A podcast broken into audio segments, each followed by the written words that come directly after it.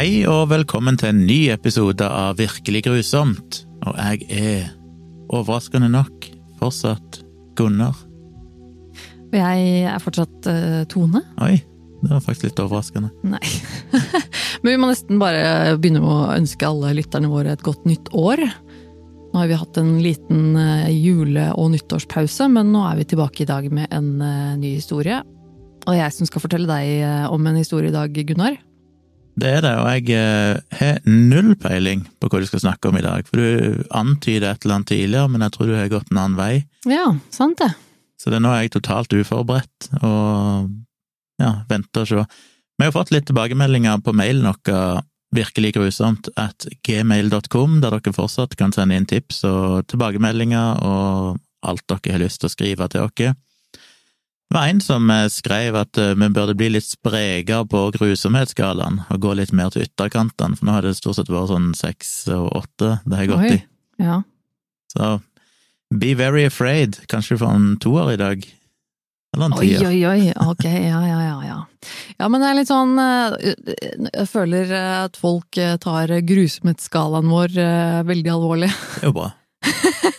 Ja. Det er veldig alvorlig. Det er, jo- det er jo selvfølgelig eh, det hyggelige, det, men eh, det er, det er ikke så lett, altså, å drive og putte ting på en skala. Det er liksom Jeg føler at du er liksom douchebag uansett hvilken ende av skalaen du velger, på en måte. Ja, det er vanskelig å være så personlig. Jeg liker ikke å verken skuffe eller glede folk for mye. Så eh, Men i dag eh, så skal vi til en eh, fornøyelsespark, eh, Gunnar. Vi skal til okay. Australia, mm. til en fornøyelsespark som heter Dreamworld. er det edderkopper med i historien? Ingen edderkopper. Det Kan det det, være det kan hende det var noen edderkopper som var til stede under ulykken, det vet jeg ingenting om. Hvis det er edderkopper, så hadde det blitt en ti på grusomhetsskalaen. Ja, ja. Ah, Ah, kanskje jeg skal ta en historie om edderkopper neste gang. Um, dette her er altså en hendelse som eh, Det skjedde, det skjedde i, i oktober 2016, så det er ikke så lenge siden. Nei. Eh, og den, eh, den eh, attraksjonen dette dreier seg om Folk har vel eh, allerede skjønt at det dreier seg om en attraksjon som ikke fungerte helt som den skulle. Og det er en attraksjon som het Thunder River Rapids. Mm. Altså en sånn en, en sånn vannattraksjon som er laget som en elv, på en måte, og hvor man da sitter i sånne flåter. Sånne runde flåter.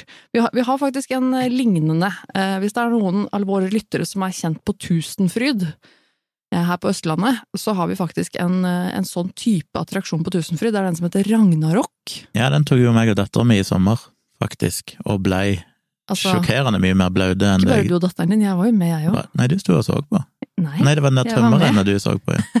jeg var med i den, Nei, Ja, du var med i faktisk. båten, ja. Stemmer det. Ja, for den, eh, jeg er ikke så glad i sånne attraksjoner. Jeg blir ofte litt sånn kvalm, må jeg innrømme. Eh, Jeg er ikke laget for å bli slengt rundt, men, eh, men den, akkurat den attraksjonen, den var jeg med på, så den tok vi tre. Ja, så jeg tenker at uh, dette er jo Jeg overlevde.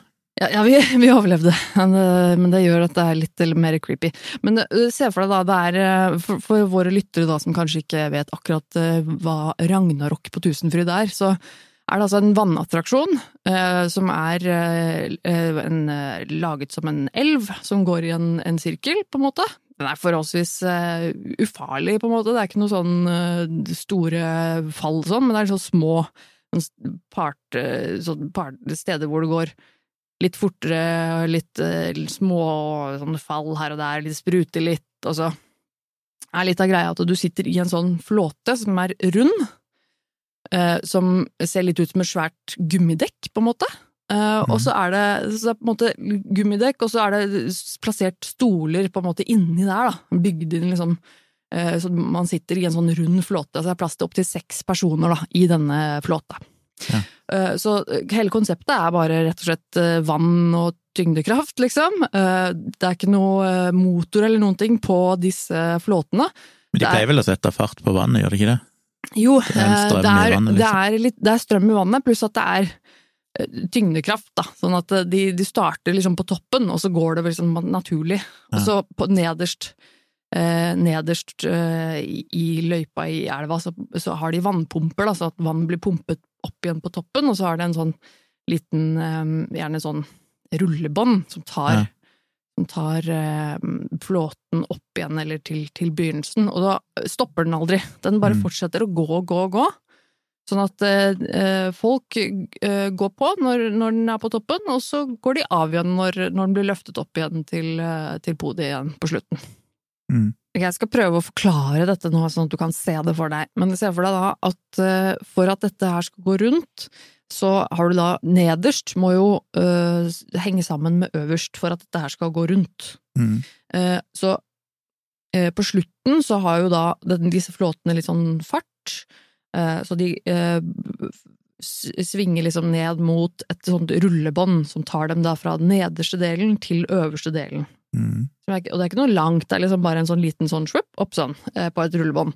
Eh, Og når de kommer på toppen da, så får de jo også fart fra rullebåndet. Når det stopper, så vil du på en måte bare vippe ut fra rullebåndet, så videre utover i vannet, og så bort til plattformen der hvor folk står for å gå av og på. Mm. Eh, og det som, skjer da, er at når det plutselig mangler vann da, i toppen av, av det rullebåndet, så har jo ikke flåten noe å flyte videre på når den på en måte kommer til enden av rullebåndet. Så den blir strandet på eh, noen bjelker. Støttebjelker på en måte under, under vannet der, da Mm. eh, som vanligvis er under vann. Det som skjer videre da, er at rullebåndet det fortsetter bare å gå og gå. Og det er ingen som oppfatter dette her eh, før det da er litt for sent. Fordi det kommer en flåte etter denne som sitter fast. Eh, det er seks personer som sitter i denne flåten, som da eh, blir tatt opp på rullebåndet, når toppen av rullebåndet, og treffer da den flåten som har strandet. Jeg kan ikke På meg meg hvilken fart de har. Det høres ut som dette går veldig seint, men det er kanskje litt fart på det, eller? Det går nok ikke kjempefort, men det er noe med at de er ganske tunge, og de flåtene her, så det er jo en del kraft, Ja, de er jo da. Så, og dette er jo, eh, de er store, jeg kan tenke at det er plass til, det er jo plass til seks mennesker, og det er en stor sånn gummiring på endene, på, Mm. på rundt hele, og, eh, og for at eh, dette rullebåndet skal ta flåten med personer opp på toppen, så, så må det jo være ganske kraftig, så det er ganske Mm. stort og, og kraftig greier dette her, da. Så de treffer de, de, de kolliderer, altså den bevegende flåten med disse seks menneskene, den kolliderer inn i den flåten som står der strandet. Og det resulterer i at de, rett og slett vipper oppover vertikalt. Mm. Og det skjer såpass fort og, og uventet at de menneskene som sitter i flåten, de blir eh, slengt ut. Rullebåndet det fortsetter å gå, så menneskene som havner på rullebåndet, de eh, blir faktisk knust. De følger rullebåndet inn da, som fortsetter å gå og gå og gå, inn i denne flåten da, som sitter fast i en sånn sprekk mellom da rullebåndet og, og, og, og liksom veien videre, da, hvor det ikke Mm. er noe vann nå, plutselig. Ja. Så de ble enten ført eh, på båndet mot flåten og knust mellom båten og maskineriet, eller falt ned gjennom bjelkene på båndet og havnet i maskineriet under. Ja, det er alltid det verste jeg vet, det med sånne Jeg husker den videoen som gikk viralt, holdt jeg på å si, for noen, par, noen år siden, fra Japan eller noe sånt. Da det var ei gammel dame som gikk opp på toppen av ei rulletrapp, og så hadde de jo fjerna ei eller annen luke, for de skulle gjøre noe vedlikehold. Ah, ja. Og så når hun kom opp på trøa rulletrappa, så bare detter hun rett ned. Åh, Så bare ser ja. du liksom overvåkingskamera viser at hun liksom prøver å klamre seg fast, men så blir hun egentlig bare dratt Nei. ned i maskineriet. Og det er altså så Det høres alltid ut som en painful death, for Ja. det, du begynner i én ende av kroppen som regel, eller sannsynligvis, og så blir du bare spist gradvis opp. Ja, og, men de har nå vitneforklaringer, det er dessverre folk også som blir vitne til dette her. Sikkert barn. Eh, Men heldigvis kan man jo si da at de mest sannsynligvis døde veldig fort. Mm. Eh, For dette skjedde fort, og, og, og det er snakk om så store krefter at de Heldigvis så, så døde de ganske fort. Det var jo seks, eh, seks personer der, men, og det var en um, dame som het Cindy Lowe, 42 år. Kate Goodchild, 32 år. Hennes bror Luke Dorset, som var 35. Og hans partner eh, Rosi Argahi, 38 år. De døde, så det var disse fire voksne. Og i tillegg til det, eh, så, så var det Goodchilds tolvårige datter og Lows tiårige sønn. De var også på denne flåten. Men de overlevde. Eh, Visstnok så klarte de på en eller annen mirakuløs måte å klamre seg fast til flåten. Mm. Selv når den ble liksom stående i vertikal uh, retning, liksom, så hadde de på en eller annen måte klart å, å redde seg sjøl, og ved å liksom holde seg fast eller klatre ut, da. Så de to barna overlevde, de fire voksne de døde, dessverre.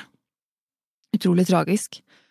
Og dette var jo selvfølgelig kjempekatastrofe, folk ble jo selvfølgelig kjemperedde, og det var mange mennesker som, som ble vitne til dette her. Dette skjedde jo på en måte på toppen helt i starten, liksom, av, av, av eh, attraksjonen, så det var jo folk som sto og ventet i kø, som skulle både av og på og sånn. Så det ble selvfølgelig kaos og det ble stengt. Eh, attraksjonen ble evakuert, og, og, parken ble stengt med en gang. De døde, eh, de, de, fikk de, de, fikk ikke hentet ut de døde før dagen etterpå. Og det er jo nok litt sånn komplekse grunner til det òg, men eh, for, for, selvfølgelig, først så måtte de jo få ut alt vannet av denne attraksjonen, for det, det var jo fortsatt masse, masse, masse vann. Mm. Så for at de skal kunne få ut de døde og undersøke hva som faktisk hadde skjedd, så måtte de jo først bruke lang tid på å faktisk få ut, pumpe ut alt vannet av attraksjonen, som er jo snakk om veldig, veldig mye vann. Og redningsmannskapene som jobbet med dette dagen etterpå, de hadde visst opplevd det som dypt traumatisk og hadde behov for oppfølging. Eh, I hvert fall én av dem eh, som jobbet eh, der den dagen, har fortalt at han ble ufør på grunn av PTSD, altså posttraumatisk stresslidelse, fordi at det var så traumatisk for disse menneskene som jobbet der, med å få jobbe med å, å få ut de døde kroppene. Mm. Som, sikkert, ja, som sikkert var uh, i veldig dårlig stand, for å si det sånn. Uh, så, og, det, det, kan jeg, og det er nesten sånn jeg ikke Det tror jeg ikke skal tenke så mye på. Altså, hvor, uh, hvordan, det, hvordan, det, så ut for dem, og det må ha vært fryktelig tungt, det arbeidet. Så det skjønner jeg godt, at man kan få posttraumatisk stress av. Det må ha vært tungt å gjøre. Men jeg skjønner ikke hvem var det som ble De som jobber der, måtte de gjøre den jobben? Nei, eh, redningsmannskapene, da. Ja. Og sikkert noen av de som jobbet der òg. De har jo ingeniører og, og folk som på en måte er ansvarlig for ja, sånn. som vet hvordan mm. det funker. Altså, det var jo mange mennesker som måtte hjelpe til da, når, det, mm. når noe sånt noe skjer, liksom. Men det var visst en stor påkjenning, og det, det kan jeg godt uh, forstå, altså. Så parken holdt stengt i en måned, av respekt for de avdøde, men også for å etterforske hendelsen. Naturlig nok. Etterforskningen den tok mer enn en måned, faktisk så skulle det ta flere år før den ble konkludert og avsluttet og det ble avdekket mange feil og mangler på attraksjonen, og vedlikehold som var totalt fraværende, selv om dette hadde kostet parken veldig, veldig lite. Eh, de hadde for eksempel ikke noen elektronisk måler som kontrollerte vannivåene på attraksjonen, som er veldig vanlig å ha, og som er ikke akkurat fryktelig dyrt. Det er jo på en måte ganske naturlig å, å sette inn. Mm. Det å vurdere risikoen og sikkerheten Eh, ved attraksjonen hadde blitt overlatt til de ansatte som jobbet på attraksjonen, og de var ikke ingeniører, for å si det sånn. Nei. Så de hadde, parken hadde bare bedt de som jobber der, sånn som jobber med å sette i gang, eh, trykke på knappen av og på, liksom, til å, å si om dette var sikkert nok for folk. Å vurdere sikkerheten rundt hele attraksjonen, og det er jo helt krise. Og de hadde jo selvfølgelig ikke kompetanse til å, til å si at dette her var sikkert eller ikke sikkert, noe det åpenbart da ikke var. Eh, vedlikeholdsarbeiderne som, som, som drev vedlikehold eh, på denne attraksjonen, de visste ikke hvor nødknappen var i kontrollrommet. Såpass, ja. Ja, eh, og så de var jo heller ikke testet. Det hadde de aldri hatt noen rutine på, tydeligvis, å teste mm. nødstopp eller nødknapp. og så det, det, det visste de ingenting om.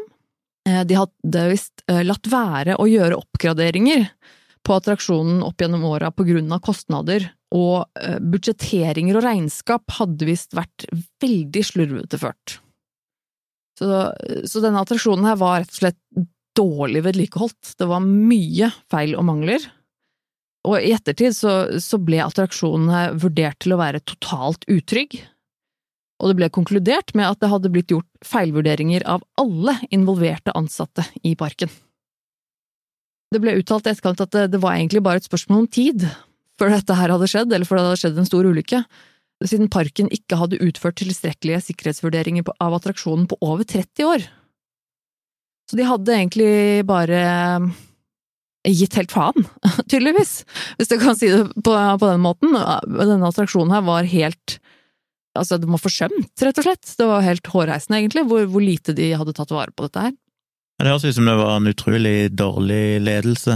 Og det som er så dårlig gjort med det, er at hvis det er dårlig ledelse som ikke følger sikkerhetsrutinene og ikke tar det ansvaret, så, så er det jo én ting at selvfølgelig kan ha tragisk utfall for gjester og, og for de som jobber der, men òg når det først skjer noe galt, så gjenger det jo primært utover de som jobber der. Og det er jo ikke deres feil. Det er jo ikke deres ansvar å si at hei, burde ikke vi hatt noen uh, sikkerhetsøvelser, eller Selv om kanskje noen burde ha tenkt det. det. det. blir jo alltid en sånn ledelsesproblem, som regel, når sånne ting skjer. En ja. svak ledelse, og som jeg snakker om tror jeg vi nevnte før, eller, eller, eller vi snakka om det off-air, når vi har sett på alle de her flyulykkene og sånn på YouTube, Mm. Hvor ofte det skyldes at det er noen der som skal spare penger. Mm. Veldig Alltid det med å spare penger på å liksom, ta noen snarveier på sikkerhet og sånn. Mm. Og det ender jo som regel opp med at så skjer det ulykker, så går selskapet konkurs. Nesten alle flyselskapene som har ei stor ulykke, eh, ikke de der svære internasjonale, men litt mindre flyselskaper, de går jo som regel konkurs hvis det først er ei ulykke. Mm. Så de har veldig lite å vinne på, om du så ser helt vekk ifra selvfølgelig tap av liv og alt mulig sånn. Bare rent businessmessig så er det mm. neppe en, eh, et smart grep. Og vanligvis er jo attraksjoner som dette er på fornøyelsesparker veldig trygge, det skal sies, og de er som regel veldig, veldig godt testet, og de blir testet jevnlig, og de gjør også altså undersøkelser på dem og vedlikehold på dem jevnlig, men også det at de selvfølgelig tester fysisk at alle knappene og maskineriet funker som det skal hver dag, regner jeg med, eller i hvert fall sånn som jeg har forstått det. Og det finnes jo ingeniørfirmaer som jobber med å bygge attraksjoner som dette til fornøyelsesparker. Den ene ting det er bare, ja, det kan vi si noe om det, men allikevel, på liksom eh, statlig nivå må være en eller annen instans som regulerer og, og har oversikten over dette. Og i Norge så er vi jo HMS-krav og alt mulig sånn. Det er nesten rart at ikke du må levere rapporter årlig der du kan dokumentere at du utførte eh, nødtester, sikkerhetstester så og så ofte, og så videre. Det er så rart at det kan gå i så mange år. Altså enten er de faka, de dataene, eller så er det ikke noe krav om det. Men det er alltid sånn hvis du overlater Jeg mener det, det blir litt sånn eh, sosialisme one on one, men hvis du overlater sikkerhet og sånn kun til bedriften sjøl, og de da kanskje prioriterer økonomi, så er ikke det spesielt smart. Du trenger liksom en eller annen instans over det igjen, som er en statlig uh... Kontrollør, liksom? Ja.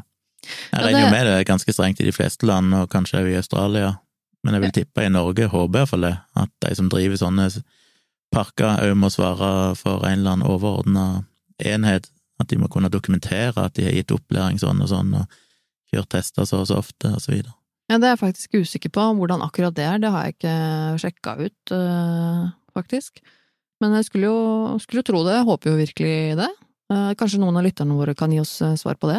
For vanligvis så er det jo eh, ingeniørfirmaer som lager attraksjoner, så på en måte er, det er jobben til firmaet. De lager og designer attraksjoner for attraksjonsparker eller fornøyelsesparker. Mm.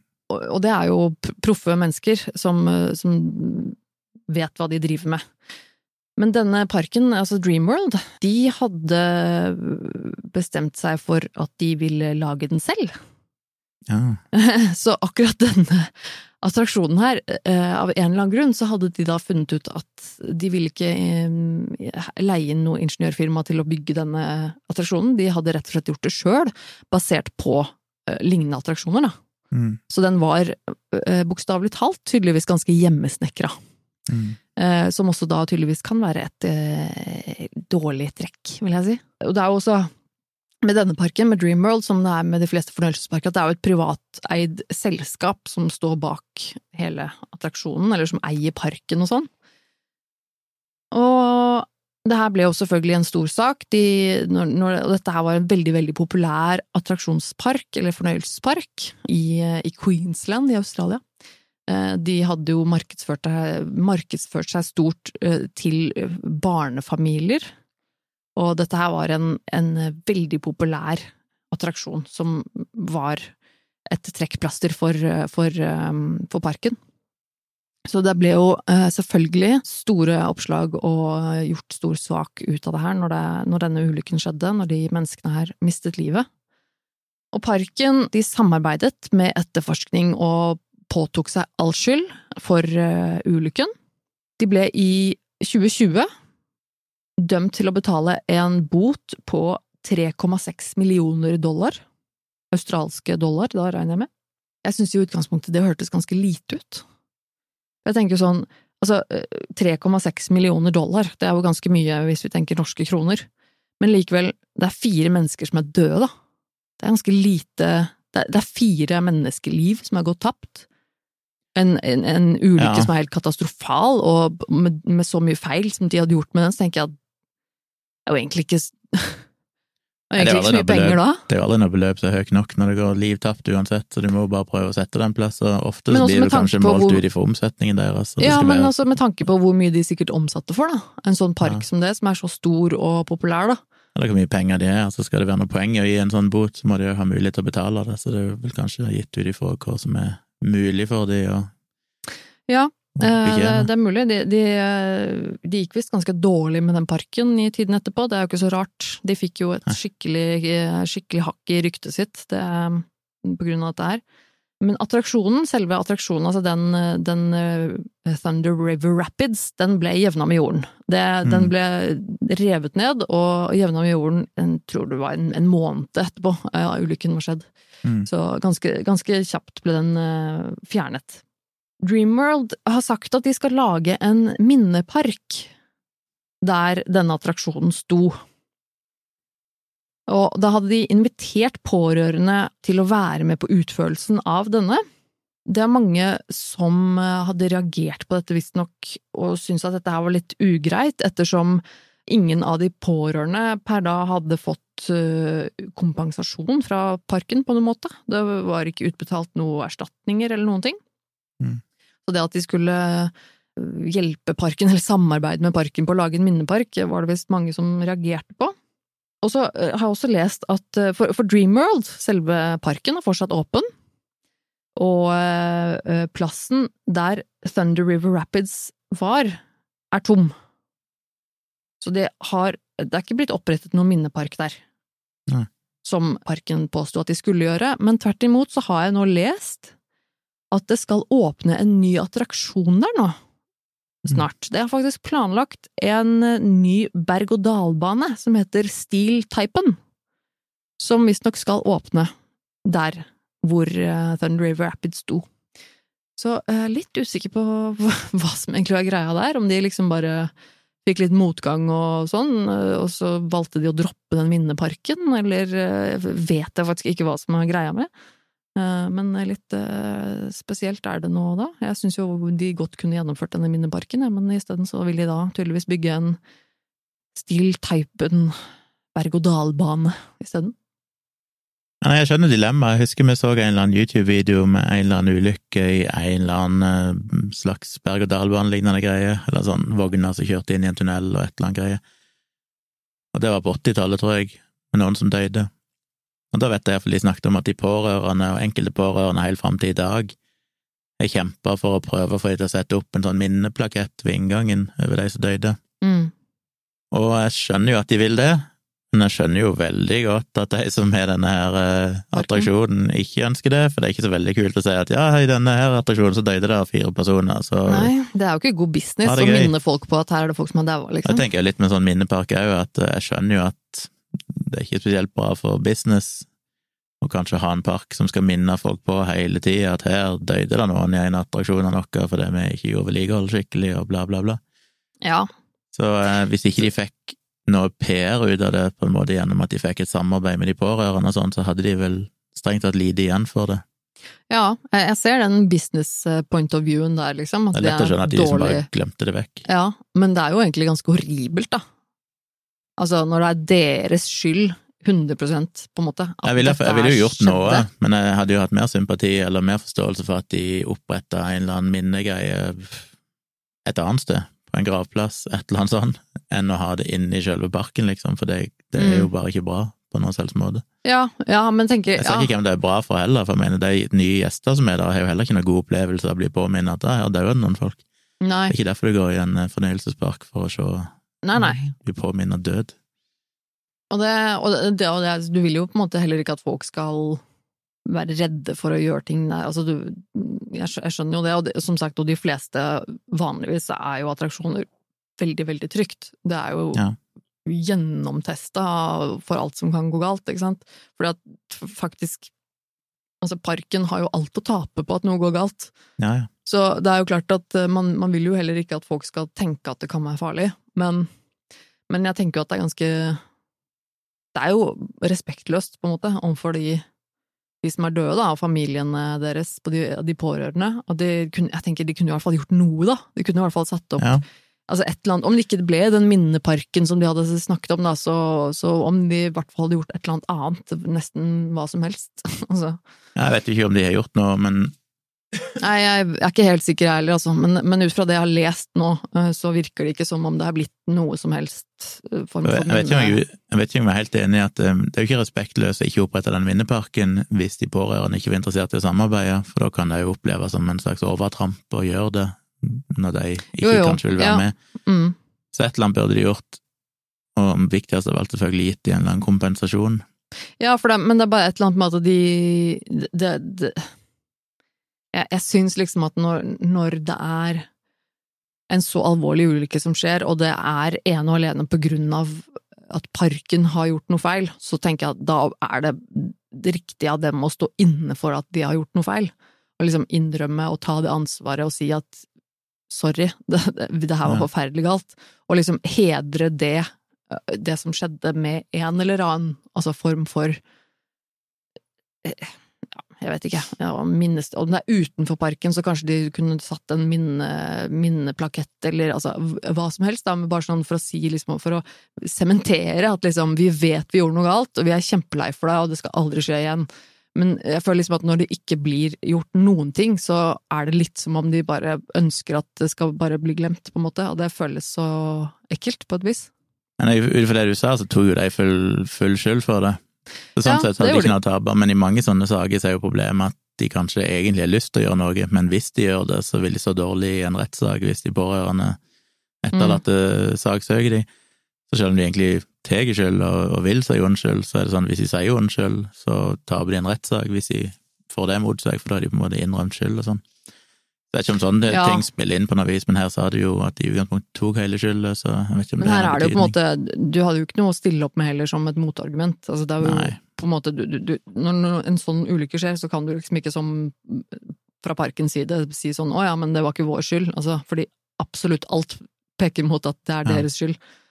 Så det er liksom Men ja, nei, ehm, jeg syns jo det er likevel ganske horribelt. Jeg så på jeg så på noen sånne klipp eh, på Det fins jo noen klipp på YouTube og litt sånne ting eh, som er ikke, ikke av hendelsen, men av uh, nyhets... Jeg skal linke til dette i shownotes. Um, både av en eh, slags eh, video som har tatt for seg historien, men også litt sånn nyhetsklipp da, fra liksom når det skjedde. Mm.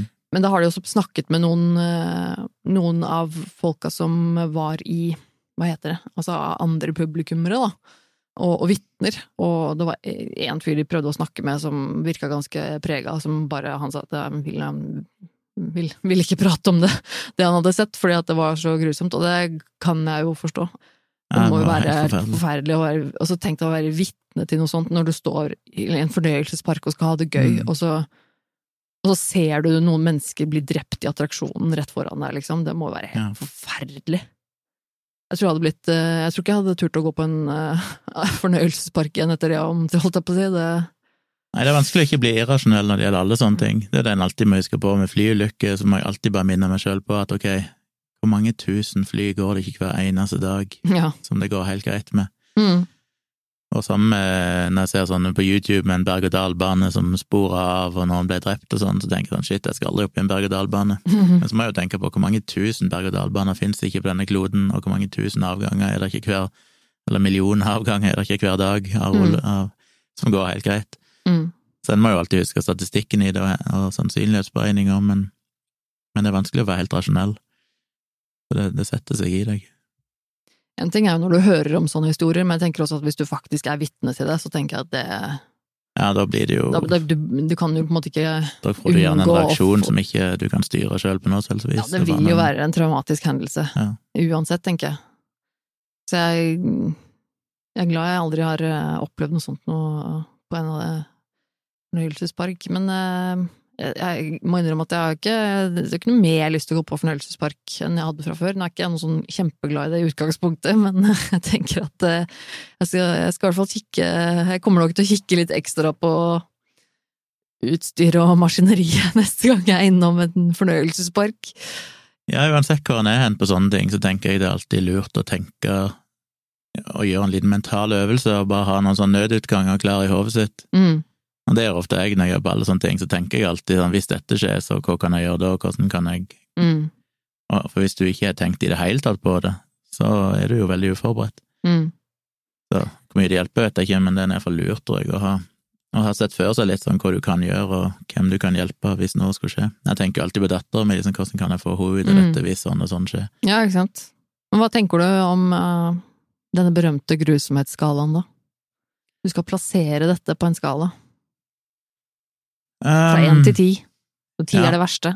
Ti er det verste, ti er det mest grusomme. Jeg lurer på om jeg kommer til å få en tier noen gang. ok, altså betyr det at dette ikke var en tier, skjønner jeg? Nei, jeg eh, nå, skal vi være litt mer brutale med hverandre. Oi. Ok, ja vel. Og jeg tenker jo at eh, Egentlig burde vi hatt en grusomhetsskala fra én til fem, tenker jeg, for at én til ti blir altfor mange sprang. Ja, ok. Mm. Det, det, det føles som at vi Det er så skala Folk flest misbruker jo alltid skala, Ja. for vi har en tendens til ofte å tenke at gjennomsnittet ligger som regel på tre fjerdedeler heller enn på midten.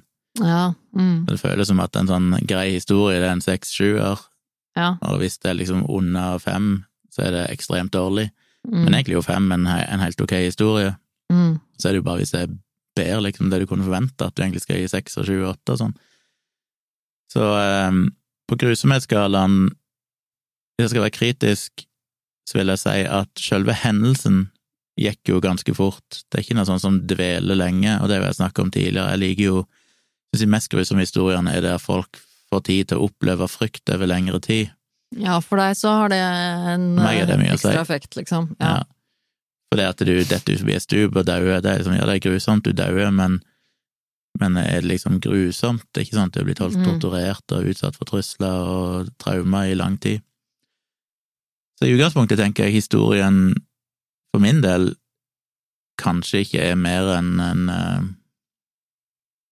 Mer enn en eh, Når vi resonnerer ferdig her, så ikke Men kanskje bare i seg sjøl. For det, for det, hva er liksom én på grusomhetsskalaen? Hva er det som er veldig. Én betyr noe som er bare litt over dagligdags. Det er liksom å skjære seg i fingeren, eller hva er det for noe? Mm. Mm. ja. Fordi én betyr jo at det fortsatt er grusomt, det er vi jo enige om, det er jo en grusomhetsskala. Mm. Det er ikke sånn at hvis det er under fem, så er det ikke grusomt. Én er fortsatt mer enn normalen, ja. så alt over én er jo på en måte mer og mer grusomt. Så av alle ting, la oss si det er en, eh, en firer, men så vil jeg trekke det opp Nei, jeg vil si det er en trier på grusomhet, fordi selve hendelsen er ganske kjapp. Mhm. Men jeg vil gi det likevel pluss én, fordi det er snakk om å bli knust i maskineri, Mhm. som jeg syns er noe av det verste jeg kan tenke meg. Ja, det er fælt, ass.